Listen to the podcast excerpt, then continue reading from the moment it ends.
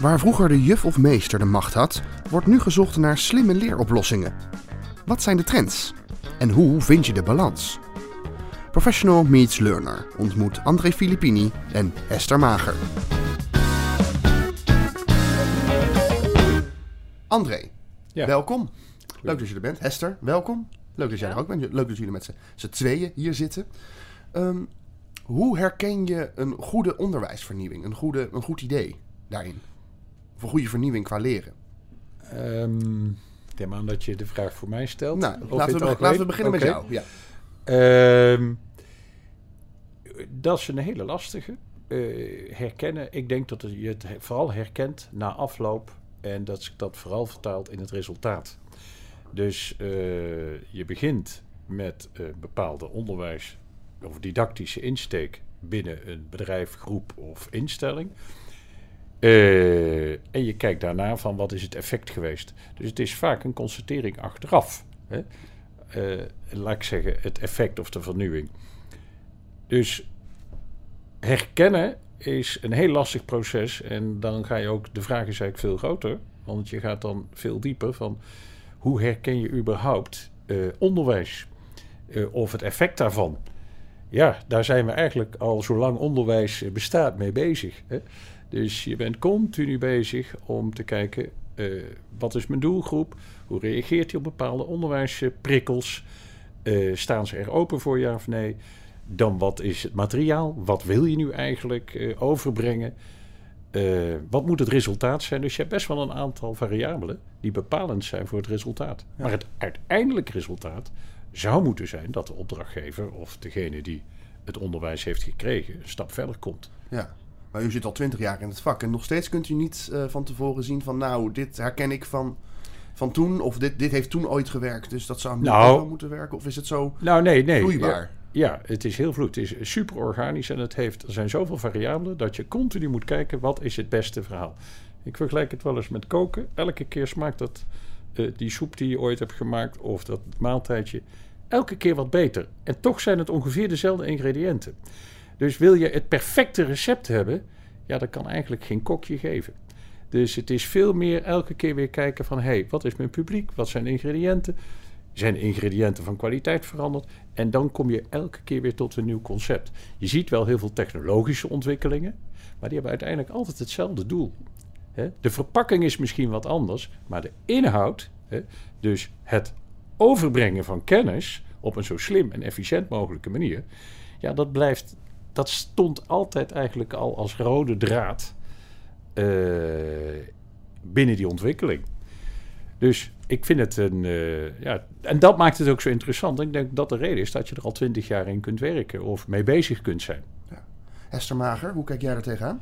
Nou, ik herken wel wat André zegt. Dat je uiteindelijk een, een goede vernieuwing eigenlijk pas kunt vaststellen als, als het effect ervan bewezen is.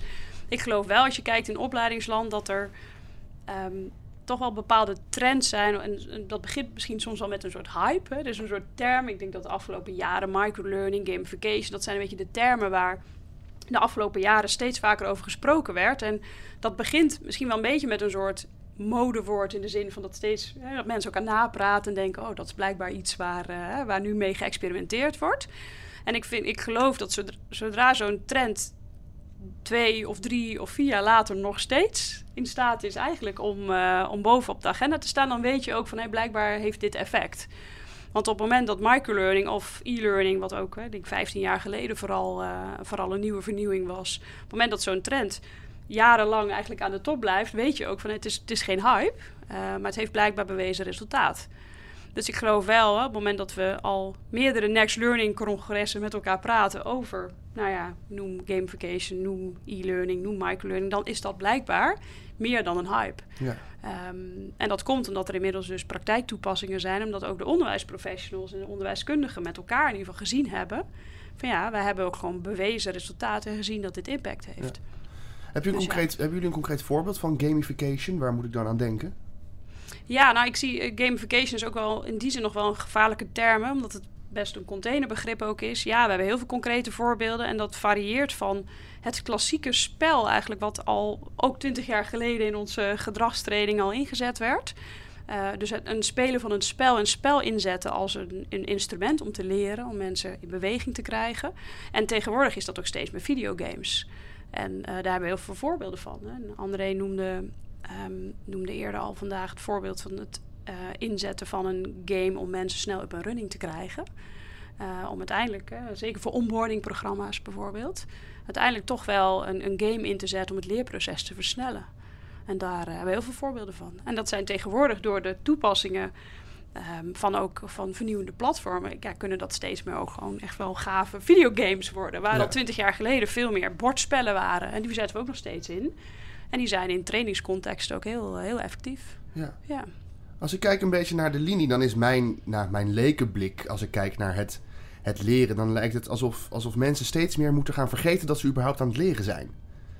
Want vroeger zat je gewoon in de klas en luisterde je naar de mentor. En nu moet het allemaal verpakt zijn in een spel, in een ding, in een, in een escape room-achtige setting. Hoe, hoe kijken jullie daar tegenaan? Hebben jullie daar een... Nou, dat is ook wel het gevaar. Hè, dat je gewoon dadelijk niet meer gewoon het beestje bij de naam durft te noemen.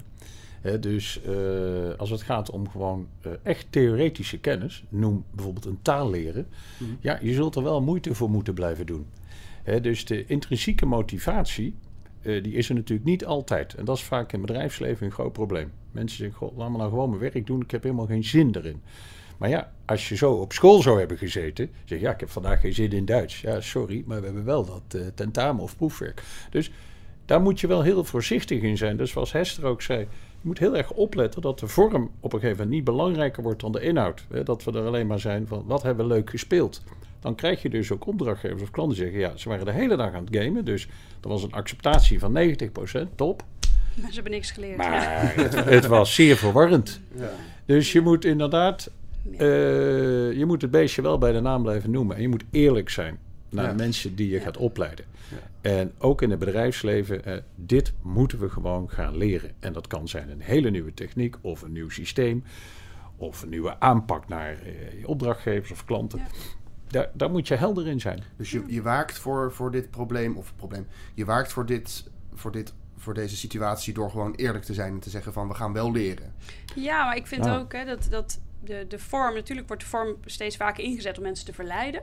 Ja. Ja, dus de vorm heeft soms ook wel een soort van arbeidsmarktcommunicatie bijna. Kijk eens hoe modern en hip wij uh, uh, aan het opleiden zijn. En die is soms denk ik ook heel krachtig, maar hangt er inderdaad wel af van dat wat je te leren hebt. Ik had een paar weken geleden met een opdrachtgever een gesprek en dat ging over um, um, ja, het voorkomen van witwassen. Dus echt wel compliancy, um, ja, inhoud en ook echt wel wel droge materie. En ja.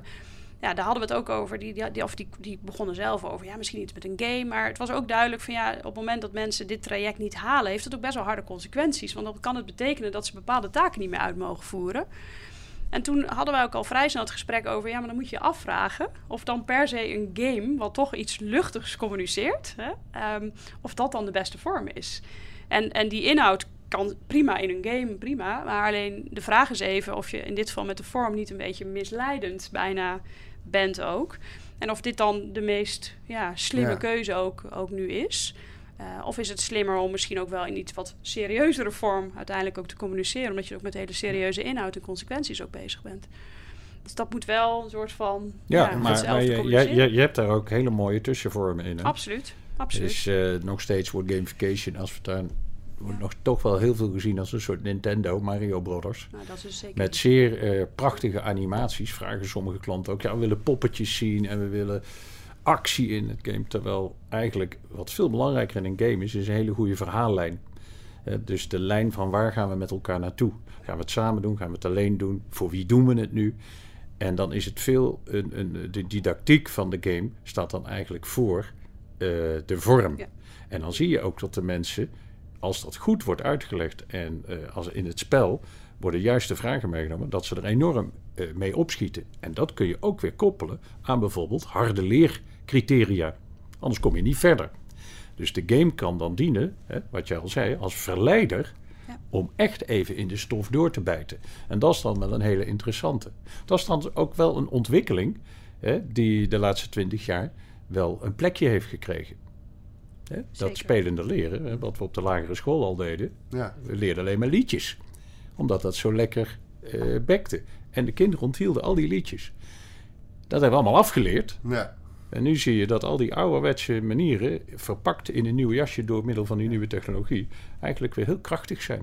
Ja, dus je kunt bijna ook eh, zeggen van de vraag is, is dit echt een vernieuwing? Of is het eigenlijk iets wat eigenlijk al ook jaren geleden al Ja. als heel krachtig gezien werd, wat eigenlijk Nou, ook gewoon weer in een andere Dan kom vorm je bij. Marcel Ja. van Hu Huizinga. Hè? Ja. Dat is zijn grote, Ja. eh, eh, grote voorbeeld. In 1931 schreef hij een boek over eh, spel Ja. en opleiden en het effect daarvan.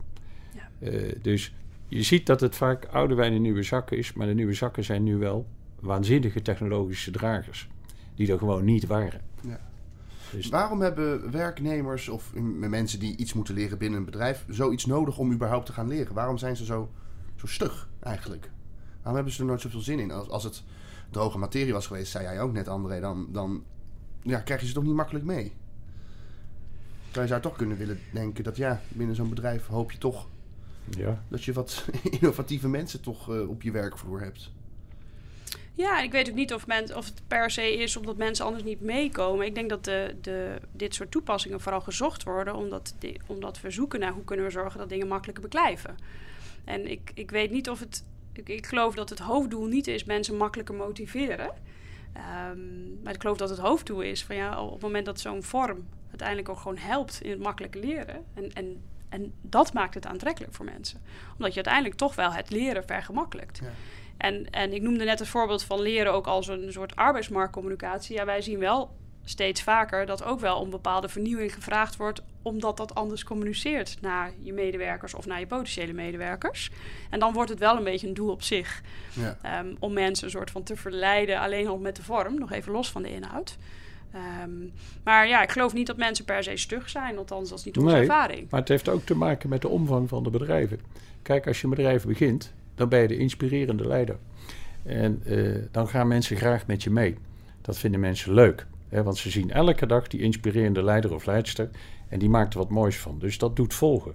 Naarmate een bedrijf groter wordt, is de afstand tussen die inspirerende leider en de medewerker steeds groter. Dus daarom denk ik ook dat leren wordt nu heel vaak aan HR uitbesteed. HR zorgt voor een nieuw programma. HR doet dat. Ik denk dat de eindverantwoordelijke in een bedrijf veel meer betrokken moet zijn bij hetgeen wat wij onze medewerkers willen laten leren. Want die weet het. Die gaat op dat sinaasappelkistje staan aan het begin van het jaar. Met we moeten 50% meer en 30% dat. Probeer dat nou eens te vertalen Ja. in hetgeen waar je echt naartoe wil. Ja, want hij Met je ooit- medewerkers. Hij was ooit de man met de plannen. Hij was de man met de plannen, of zij. En je moet opletten dat het dan niet een slavendrijversrace wordt na het eind van het jaar. Door middel van allerlei leerprogramma's. Hartstikke positief. Maar het is heel belangrijk dat die opleider af en toe eens rechtstreeks met die eindverantwoordelijke praat. In plaats van met die tussenschakel, de HR-afdeling. Hoe belangrijk die ook is. Hè? Maar dat je dat spanningsveld opzoekt. Want ik vind het een terechte vraag. Waarom, eh, eh, waarom is er de indruk dat mensen wel of niet zouden willen? Dat vaak Ja. toch de plank misgeslagen wordt. Maar dus ik, ik geloof in dit geval niet per se dus door de vormen. Dan, maar dan zit het op de inhoud. Ja, Ehm, en de vraag is even of je dan genoeg, goed genoeg aangesloten bent. Ook bij, bij, ik denk dat trends zoals microlearning... Waarom zijn dat vernieuwingen die nu landen? Juist omdat je meer en meer ook zoekt naar hoe kun je maatwerk leveren aan elk individu. En zodra je groepen als een groep bij elkaar gaat zetten en een soort, als een soort eenheidsworst gaat behandelen, is de kans natuurlijk best groot dat je bij een aantal mensen dat je er behoorlijk naast zit. Ja. En dat je ze of vermoeit met materie die, die ze al lang kennen, en dat is totaal niet motiverend, of dat je ze vermoeit met materie die misschien die ze nooit gaan kennen, of, of inzichten die ze nooit gaan krijgen. Dus hoe meer je ook maatwerk kunt leveren aan een individu, hoe groter de kans uiteindelijk dat, dat mensen dus ook wel gemotiveerd zijn. Ja, maar hoe creëer je dan die ideale weegschaal? Want dat lijkt ook Ja. echt, dat is echt afwegen, denk ik, of niet? Dat, dat, lijkt, dat Ja. is nog wel een dun randje waar je op danst dan. Ja, nou, ik, ik, ik geloof dat hoe meer regie je bij de, bij de lerende, de deelnemer, de student of de medewerker zelf neer kunt leggen, Ja? ehm, eh, hoe groter de kans dat je goed zit. Want dan maakt de, de student of de deelnemer in dit geval zelf de afweging. Dus waar, hè, de, de- Dus zelf verantwoordelijk voor zijn eigen proces. hoe meer je in staat bent om uiteindelijk iets aan te reiken waarbij mensen hun eigen pad kunnen, kunnen kiezen, hoe groter de kans uiteindelijk dat, dat ze de eindstreep halen. Daar ben ik wel van overtuigd. Ja. Ja. Het is ook de relevantie, hè? Waarom moeten we dit weer leren?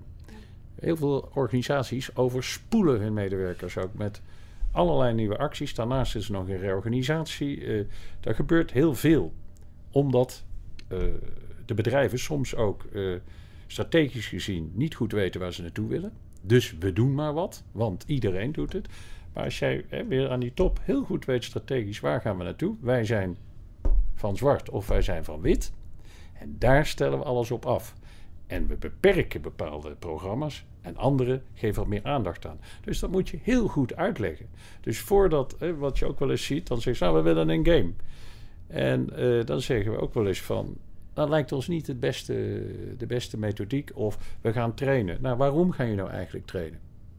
Dat is de derde keer dat we ditzelfde onderwerp nu behandelen.